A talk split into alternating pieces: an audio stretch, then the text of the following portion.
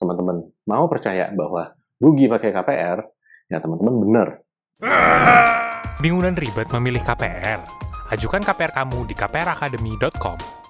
Halo Sobat KPR, kali ini kita akan bahas tentang cara menghalau kegalauan pakai KPR.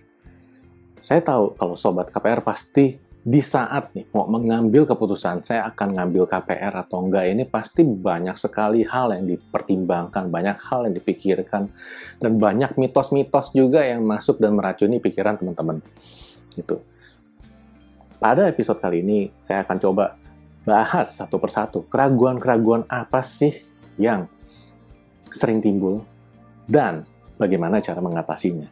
Jadi, ikuti terus videonya sampai akhir ya supaya teman-teman nggak kelewatan satupun tips yang berharga ini. Penyebab keraguan-raguan kita pakai KPR biasanya itu pertama disebabkan karena KPR itu merupakan komitmen jangka panjang. Kenapa jangka panjang? Ya karena jangka waktunya panjang sekali. Bisa 20 tahun, bahkan ada yang bisa sampai 30 tahun. Itu sudah seperti menikah gitu. Jadi banyak yang mungkin pada saat mau melangkah ini bisa nggak ya, bisa nggak ya gitu. Jadi maju mundur, maju mundur nih gitu. Bisa nggak ya saya alokasiin segini terus setiap bulan gitu. Bisa nggak ya nanti kalau tiba-tiba bunganya berubah jadi bunga floating, mengalami peningkatan angsuran, saya masih sanggup bayar nggak ya? Bisa nggak ya kalau nanti anak saya sudah harus sekolah, ada biaya-biaya tambahan ini dan itu, saya masih sanggup terus bayarin KPR-nya. Bisa nggak ya? Nah, ini memang jadi hal yang sering kali sangat uh, bikin teman-teman tuh jadi tertekan gitu. Kenapa? Karena sudah membayangkan sesuatu yang jauh-jauh banget gitu. Waduh, nanti kalau misalnya lagi nyicil KPR terus tiba-tiba masalah, tiba-tiba kena PHK gitu. Seperti yang banyak terjadi selama pandemi ini, nanti saya bagaimana ya? Nah, saya paham. Ini sebenarnya adalah hal yang sangat wajar untuk teman-teman khawatirkan. Tapi kalau teman-teman berpikir terlalu jauh untuk membayangkan hal-hal yang mengerikan seperti itu, teman-teman bisa-bisa nggak melangkah-melangkah juga nih. Nah, solusi yang teman-teman bisa coba lakukan adalah teman-teman harus menetapkan hati bahwa saya mau punya rumah, saya mau punya apartemen, saya mau beli properti, dan saya nggak mampu dengan dana saya sendiri. Jadi mau nggak mau, saya harus pakai KPR. Nah, saya yakin dan percaya bahwa saya bisa menyelesaikan KPR ini. Kenapa?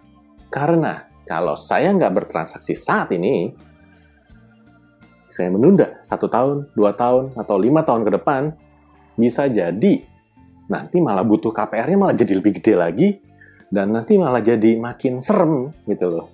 Kalau sekarang misalnya mau beli rumah butuh KPR yang mungkin sekitar 500 juta gitu. Mungkin kalau udah jalan eh, tiga uh, tahun atau lima tahun ke depan bisa jadi angkanya udah berubah.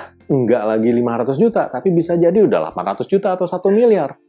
Nah, kalau itu kan nanti kewajiban per bulannya pun kan juga udah akan berbeda lagi. Jadi, saat teman-teman mau mempertimbangkan mengambil KPR, teman-teman harus tetapkan hati dan ini memang saya butuh, saya lakukan sekarang, saya rencanakan. Nah, poin yang berikutnya terkait dengan keraguan-raguan yang sering timbul itu adalah takut ditolak nih KPR-nya gitu. Wah kalau saya ngajuin kayak gini nanti ditolak atau di uh, setujuinya kurang kayak gimana ya? Saya mesti ngapain ya? Bagaimana gitu.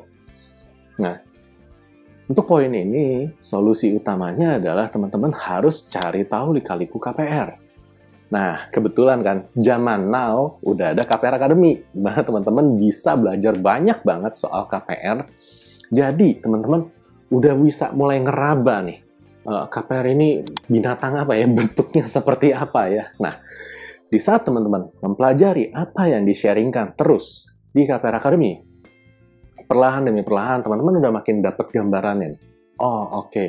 resikonya seperti itu. Oh oke, okay. kalau resiko seperti ini baiknya saya harus ngapain? Perencanaannya mesti bagaimana? Dan hal-hal lain-lainnya yang penting juga untuk teman-teman ketahui. Oh kalau kayak begini, oh hati-hati, mesti hati-hati. Bisa ditipu. Ah.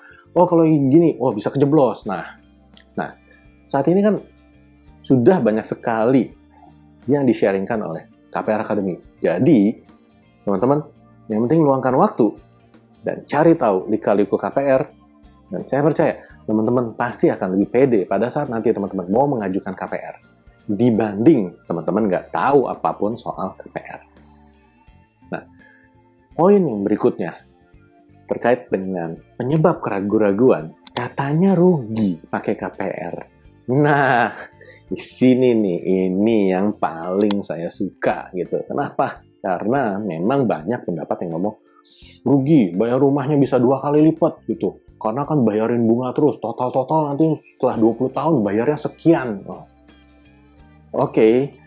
kalau teman-teman mau percaya bahwa rugi pakai KPR ya teman-teman benar tapi kalau teman-teman nggak mau percaya bahwa pakai KPR itu bisa ngerugiin teman-teman teman-teman juga benar Gitu. Jadi intinya apa pun yang teman-teman percayai terkait dengan rugi atau tidaknya pakai KPR, itu teman-teman bisa benar-benar benar.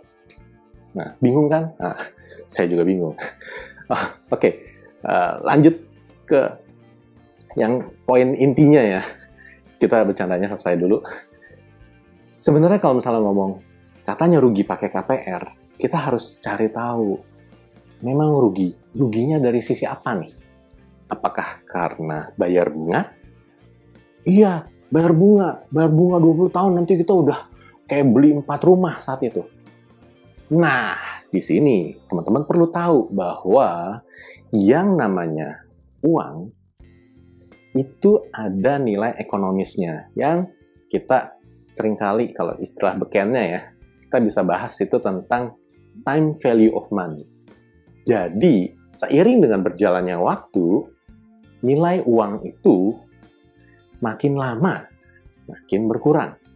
Jadi kalau sesuatu yang teman-teman bisa beli saat ini, misalnya dengan harga 1000, bisa jadi nih berapa tahun ke depan mau beli barang yang sama, mau nggak mau harus keluar duitnya lebih gede. Misalnya 1500 atau bahkan 2000. Nah, di sini teman-teman harus pertimbangkan juga. Jadi kalau dibilang KPR kan bayar bunga. Wah rugi itu. Yakin rugi. Kalau dibandingkan dengan kenaikan harga properti bagaimana? Kalau ditunda tadi misalnya 5 tahun gitu. Bisa apa? Ngikutin, yakin. Nggak ada yang berani ngasih jaminan. Ini harganya pasti akan naik terus atau bagaimana? Tapi di satu sisi, nggak ada juga yang berani kasih jaminan bahwa ini harganya akan stabil atau harganya ah nanti bisa turun. Kenapa? Karena bakal ada pandemi lagi atau bakal ada dampak dari perang Rusia Ukraina dan bla bla bla. Ya, itu bisa betul bisa enggak ya, balik lagi. Itu kan prediksi orang gitu. Bisa jadi dampaknya berbeda. Gitu. Jadi, yang teman-teman perlu sadari dan bandingkan di sini adalah bayar bunga itu coba dibandingkannya dengan potensi kenaikan harga. Kalau memang ujung-ujungnya uh, nggak naik harga, wah memang benar, berarti bisa rugi. Tapi teman-teman perlu tahu kan, alasan kenapa teman-teman beli properti tersebut pertama kali, ya kan bukan cuma untuk mendapatkan kenaikan harga dan segala macam, tapi ada alasan-alasan lainnya. Nah, hal terakhir yang saya tekankan di dalam sharing kali ini adalah rugi pakai KPR itu kalau makainya nggak smart, nggak pintar. Kalau teman-teman ngikutin apa yang disarankan oleh KPR Academy, atau teman-teman mau konsultasi lebih lanjut, nanya, baiknya buat KPR saya ini kayak gimana ya? Saya mendingan milih yang seperti apa? Saat ini saya udah lagi jalanin KPR. Saya mendingan lunasin dipercepat atau saya take over ya. Ini saya lagi bingung nih. Saya mau bentar lagi masuk ke bunga floating tapi saya nggak punya persiapan apa-apa, saya mesti ngapain? Nah, teman-teman boleh nanya lebih lanjut dan nanti tim expert di KPR Academy akan bantu sesuai dengan kondisi yang teman-teman alami gitu. Karena balik lagi, kita nggak bisa kasih jawaban yang generik sama sama semua orang. Kenapa? Karena kondisi setiap orang berbeda. Bisa jadi gajinya memang sama, tapi bisa jadi biaya hidupnya kan berbeda karena tanggungannya berbeda, beban keluarganya berbeda. Nah, itu salah satu contoh. Nah, Jadi, kalau teman-teman mau praktekin apa yang di-sharingkan KPR Academy, teman-teman sudah menjadi uh, pengguna KPR yang smart, atau teman-teman bisa juga konsultasi langsung sama KPR Academy supaya teman-teman bisa menghindar dari kerugian pakai KPR karena salah langkah. Oke, sampai di sini dulu episode kali ini. Semoga teman-teman bisa dapetin insight yang berarti dan jangan lupa share ke teman-teman yang lain ya, supaya lebih banyak yang tahu dan lebih banyak yang nggak ragu-ragu lagi, nggak galau lagi mau pakai KPR atau enggak. Jadi bisa melangkah dengan berani dan pede. Oke, sampai jumpa di episode berikutnya. Bye.